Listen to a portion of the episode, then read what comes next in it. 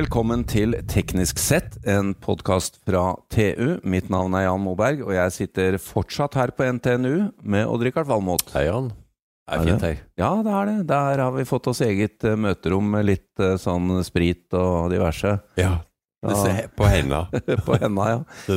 Men eh, nå eh, Vi skal snakke om et tema nå som egentlig eh, Som jeg vet du er veldig opptatt av, Ja. og egentlig hele Norge har blitt opptatt av. Og Det er jo helt fantastisk. Ja, jeg merker jo det når Det er, snakker, det er med, litt særnorsk, Jan. snakker med vanlige mennesker. Ja.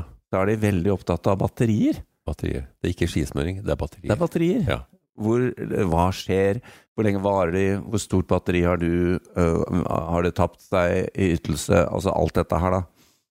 Og nå skal vi se litt inn i krystallkula for fremtidens batterier. Det skal vi. Og da har vi fått tak i enda en professor fra NTNU, nemlig Ann Mari Svensson. Velkommen. Takk, takk. Du er professor i elektrokjemi ved Institutt for materialteknologi. Ja. Da tenker vi da har vi kommet rett. For, for folk er utrolig opptatt av dette her med batterier. Mm. Og uh, dette bruker jo du dagene dine på. Mm. Mm. Hvor er vi, og hvor skal vi, hvis du ser i denne krystallkula? Ja, altså For det første så vil jeg jo si at vi har kommet langt med batteri. Du har jo den Ja, her har litium-ion-teknologien som er utvikla over flere tiår, og som egentlig har gjort det mulig å utvikle mobil elektronikk. Og som så eh, liksom har ført til masseproduksjon, og har ført til at vi på et tidspunkt hadde batteri som det var interessant å sette i en bil. Mm. Eh, Og derfra har det jo tatt videre av med så bedre eh, batteri. Eh, Mye, altså fortsatt litium-ion. Og billigere. Ja. Og lengre levetid, osv. Ja, det er jo fantastisk å se på den der kostnaden på- fra Leaf ble introdusert, hvor det, det Mm. kosta 800 dollar per kilowattime, og til at det nå begynner å nærme seg 100. Og man snakker jo om den 100-grensa. Og Ja. det skal jo videre ned. Det skal videre ned. Nå investeres det jo veldig stort i bygging av flere fabrikker Mm. rundt omkring. Så Det Ja, også tett her på Trondheim, både over svenskegrensa og, litt nordafor. ja da, litt lenger nord så er det Ja. både på norsk og svensk svensk ja. eh, side store prosjekt. Mm. Og sannsynligvis så blir det behov for eh, både de og enda flere. Ja ja. Eh, projeksjonene går jo rett til himmels, Ja. altså når det gjelder mobil, eh, mobile kjøretøy. Mm. Så det er jo nesten ingen grense for hvor mye batteri man trenger, hvis du virkelig skal gjøre alvor av å dekarbonisere transport. Ja. Ja. Og da, Eh. da trenger vi jo disse fabrikkene. Ja. Men litt det vi innledet med, da. Hvor er vi på vei? Altså, det er jo mange dimensjoner her. En ting er prisen, som du var inne på, Richard. Ja. Mm. Men du har jo energitetthet og ladesykler og den type ting. Altså, hvor er vi igjen på disse parameterne? Ja, eh, det har jo vist seg vanskelig å eh, forbedre energitettheten noe vesentlig. Man har jo jobba med det veldig lenge nå, så akkurat på den teknologien vi har i dag, eh, så ser man for seg en liten forbedring. Ved å introdusere noen nye material, eh, bruke mer silisium i anoden f.eks., Mm. og kanskje mer nikkel i katoden. Vil nikkel eh, på en måte Det booster booste spenninga, gjør det ikke? Ja, det booster spenning og også litt lagringskapasitet. Men nikkel er jo billig i forhold til, til kobolt. Ja, så Tesla satser jo nå på å bruke veldig mye mer nikkel og veldig lite Eller kvitte seg med kobolt, da. Ja. Og, men eh, altså litium-nikkeloksida har det med å være litt ustabil. Så det har vært krevende å få til løsninger som fungerer kommersielt, da. Ja, da må vi ha elektrokjemikere. Ja, det kan vi godt ha. det er vel yrkesgruppa Ja. de som skal redde fremtiden. Ja. Men det er jo mange som går og håper på at uh, liksom, vi kjøper ikke elbil i år, for batteriene blir så mye bedre neste år. Det er kanskje ikke helt riktig. Det går sakte der. Ja, altså de blir langsomt bedre fordi at du får kontroll på produksjonsparametere, f.eks. Og levetida har jo blitt veldig mye bedre. Ja. Så det betyr jo mye for kostnaden av å eie en batteribil. ja er, er du som fagperson overraska over at levetida er så bra som den er. Ja, egentlig. Ja. Eh, Det var ikke det man trodde den gangen Nei. man begynte Nei. å kjøpe disse bilene. Så sa man eh, dette Ja. kommer til å forvitre fort. ja. De første ble jo solgt med tre års garanti på batteripakka. Ja, det er ja. ganske lite for, for en såpass stor eh, utgift, da. ja. Mm. Og det, det, det var jo en stor industri man så for seg som sånn second life. Mm. Bruk batteriet, restverdien på noe annet. Mm. Men det, det har jo ikke tatt av i det hele tatt. Det er vel Nei, noen, ikke- noen Leaf-batterier som har blitt bytta ut, men eh, Tesla har vel aldri avgitt noen utslitte batterier. Ut, jeg Det er vet. godt mulig. Ja. Men eh, det har vært, eh, de har vært bedre enn forventa, ja. Sånn at eh, Altså, behovet for resirkulering vil jo komme en gang. Ja. Men det har ikke kommet så fort, kanskje, som man trodde. Nei, og det satses jo veldig det- mye på resirkulering av litium-ionebatterier, men Ja. uh, råstoffet Ja. vil jo sannsynligvis mangle i noen år til. En ting jeg syns var interessant, uh, Anne Marie, var uh, det du nevnte her før sending, at som jeg ikke har tenkt på, da, men eh, en måte å redusere vekten på på disse batteriene er jo også innkapslingen. Altså det går jo Mm. ganske mye med til å, hvordan man pakker dette i bilen. Det gjør det. Så de cellene som eh, Tesla bruker, de har jo sånne sylinderforma celler. Jo, hver celle er jo kapsla inn i en metallkapsel. Og de eh, Neste skritt for de er jo rett og slett å gjøre de cellene mye større. Ja, det, har jo, det ble jo lansert. Battery Days, Ja. så presenterte de jo en løsning for det. Men så er jo også at de sylinderskjellene står i en stålkasse, Ja, og det skal jo være kollis kollisjonssikkert osv. ja, og det vil de man, nå nærmest bygge inn i hele bilen. Altså ikke sånn, noen separat kasse, men Ja, et forslag eh, fra den presentasjonen var jo å rett og slett bruke selve sylinderskjella i bærekonstruksjonen, Ja, Ja. riktig. og ikke som på en setten den i en kasse med masse vegger. Men, men skal Ja. vi her vi sitter eh, litt sent på høsten i 2020 vente på nye batterier, eller? eh? Nei, jeg tror eh, det er på tide nå å kjøpe elbil. Ja. For det er jo viktig med den her avgiften også. Den kan fort bli borte. Så det Ja. Absolutt på høy tid, hvis ikke det var det, det er et race mellom batterikapasitet og Ja. moms Ja, Ja, ja, det er det. Er det. det er jo veldig, veldig interessant. Ja. Um, vi, vi må komme inn på, for at det, som du nevnte, da, vi sitter jo tett på et par store batterifabrikkprosjekter. Uh, Northvolt på svenske siden og Freyr eh, på norske siden. Ja. Uh, hva skjer der egentlig? Altså, uh, hvorfor legger de disse fabrikkene her? Vi har jo snakket med Freyr og Ja. Richard for mm. noen måneder siden, men det er interessant å få perspektivet. Uh, det er jo ikke bare batteriene disse som, som skal leveres, men de er også interessert i å gjøre det på en god måte. Produsere på en god måte. Ja.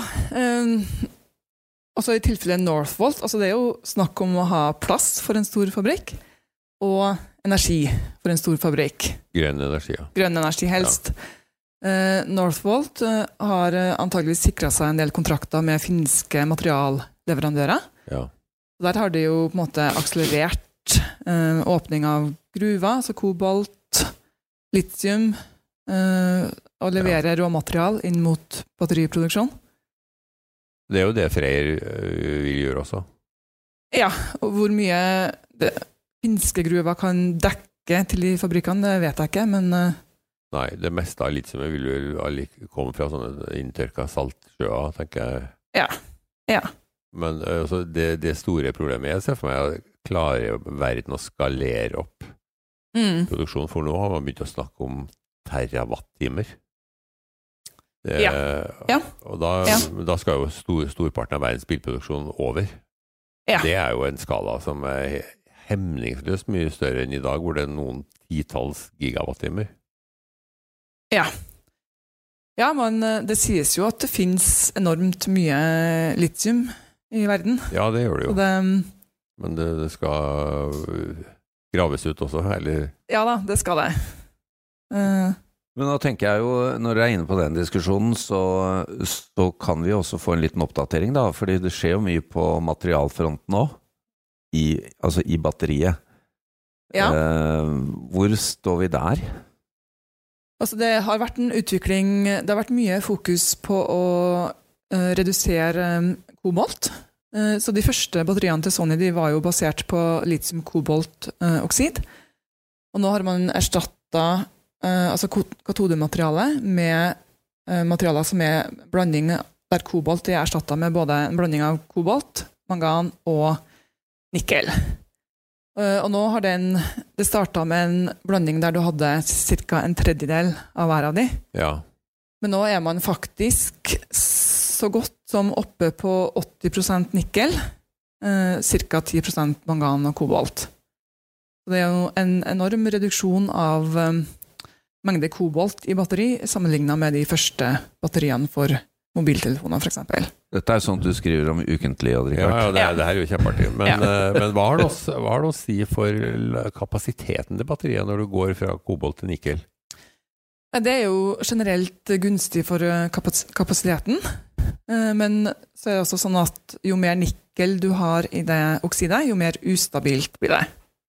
Og det er det problemet man har slitt med å Ja, Man ser jo for seg helt koboltfrie batterier nå. Ja. Um, det fins altså to typer strukturer der. Altså det jeg refererer til først nå, er en sånn lagdelt oksid. Ja, Der litium går inn i lagstrukturen. Og så har du noe som har mer en eh, litt annen tunnelstruktur. Som har også der du, som er helt koboltfri. Du har bare nikkel og mangan. ja. Den finnes vel per i dag ikke i kommersielle batteri. Nei. Den jobbes en del med det. Um, Det er et materiale som eh, ikke har høyere kapasitet for lagring av litium, men det har høyere spenning. Ja. Ja, ja, men det, Du får det er jo, eh, det er jo viktig for kapasiteten. ja. høy lik, For energitettheten er det like viktig. Ja. Energi er spenning ganger strøm. ja. Og så har Ja. vi anodesida med mer silisium. Ja. Der, er jo, der har jo Norge mye å bidra med etter hvert. Der er det store satsinger i Norge. altså Både store firmaer som Elkem, som prøver å utvikle silisiumpulver som er egnet for innblanding i batterier nå, da. Mm. Og du har små firmaer som ja, Senate. Ja. Um, og du har firmaer som prøver seg på å resirkulere solceller, for eksempel. Ja, det òg, ja. ja. Knuse altså solcelleskrap. Bruke det som silisium i batteri. Ja, for der, poenget der er at altså, Vi mangler ikke silisium, men det Nei. rene silisiumet, da. Ja, men solceller er rent silisium. Ja. Ja, fordi det, dette er jo Nå sitter vi jo på NTNU, og dere jobber jo tett med Sintef og sånn. Dette må jo være et av de største forskningsfeltene i verden, dette er på batterier. Ja, jeg har ikke noen tall på det, men for meg så tror jeg kanskje det er summen Det er det er det største. Jeg Eh, Jeg vil gjette på det. Og vi har jo vært på, altså jeg har vært på konferanser siden midten av 90-tallet, og det har alltid vært veldig mye batteri ja. i, på sånne internasjonale konferanser. Og plutselig, for noen år siden, så oppdaga man det i Norge, at det her var ja, altså Et stort felt, når, når men, man eh, jo skjø- alle skjønner at bil, bil skal over på batteri. Og da Jo, blir men- det jo gigantisk med en gang. Ja, Jo, men det har jo vært så- en enorm industri, eh, Ja da. Ja. mobilelektronikk. Det har vært enormt. Ja. Og så har vi ikke begynt å snakke egentlig om lagring i strømnettet. Altså hva som skal til der for å Mm. Dette er jo et tema som bare tar oss, Odd Rikard. Men du, det Ja. er, det er en, en spennende teknologi til som ligger litt etter, og det er jo litium-svovel-batteriet. Ja. Det er jo så vidt starta kommersielt fra fra England, så vidt jeg vet. Ja, de har vel i hvert fall bygd uh, en produksjonsanlegg som ikke er veldig stort, men uh, ja. Nei, det er absolutt interessant. Det har vært uh, en teknologi som har vært litt mer umoden. Men det er klart, å erstatte de her dyre oksidene med svovel er jo attraktivt. ja. Hvis man lykkes med det. Uh, Men det er også kapasitetsmessig kan bli ganske interessant. Ja, det er et eh, per vekt mer energitett eh, batteri. Mm. Du må løse noen tekniske utfordringer for å klare å lade deg opp og ut mange ganger. Ja. Eh, Og så har det hatt noen utfordringer på volum. At Ja. det har ikke egentlig vært spart noe volum i forhold til litium-ion. men vekt. Ja. Her er det mange dimensjoner å jobbe på, og eh, vi får bare gjøre som vi noen gang sier, Odd Rikard, og komme tilbake til uh, temaet. Og Det til, eh, er vi helt sikre på at vi skal. Ja. det tenker tommelen efter. Takk til deg, Ann Marie Svensson, professor ved NTNU. Takk til Odd Rikard, og mitt navn er Jan Moberg. Dersom du ønsker å konsumere enda mer innhold fra oss i TU.no og Digi.no, anbefaler vi at du blir abonnent. Det vil gi deg tilgang til alt vårt innhold innen energi, elektrifisering, forsvar, fly, samferdsel, byggenæring, industri, maritime næringer, karriere og mye, mye mer fra vår kyndige redaksjon.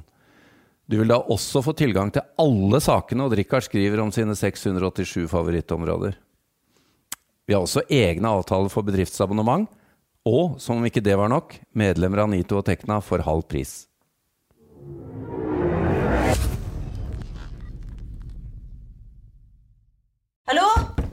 Oslo politikammer. Ine Jansen er purk. Er du purk? The motherfucking bitch. Alt jeg vil, er å finne ut hva som skjedde med mannen min. Jon Carew. Er jeg sikta for noe? Iben Akeli. Det er du. Ole So, Lars Berrum og Big Daddy Karsten. Hvem sin side er du på, egentlig? Anette Hoff, Tone Danielsen, Kommer du fra Afrika? Jørnis Josef, Nesten. Kløfta. Trond Espen Seim. Det er synd å si det, men det var feil mann som døde. Purk. Premiere søndag på TV2 Play. Har du et enkeltpersonforetak eller en liten bedrift? Da er du sikkert lei av å høre meg snakke om hvor enkelt det er å sende faktura med fiken. Så vi gir oss her, fordi vi liker enkelt. Fiken superenkelt regnskap. Prøv gratis på fiken.no. Driver du en liten bedrift? Da tenker du sikkert at dette er en reklame for fiken.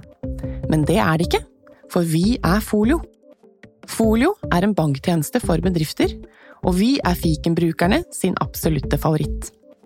Med Folio får du nemlig en superenkel nettbank og kjappere regnskap. Dessuten får du påminnelser om alt du ellers må huske på. Med Folio er alt samlet på ett sted, og du får umiddelbart kontroll over utgifter og kvitteringer. Besøk folio.no og se hvorfor bedrifter foretrekker oss fremfor de store bankene. Folio smartere enn banken.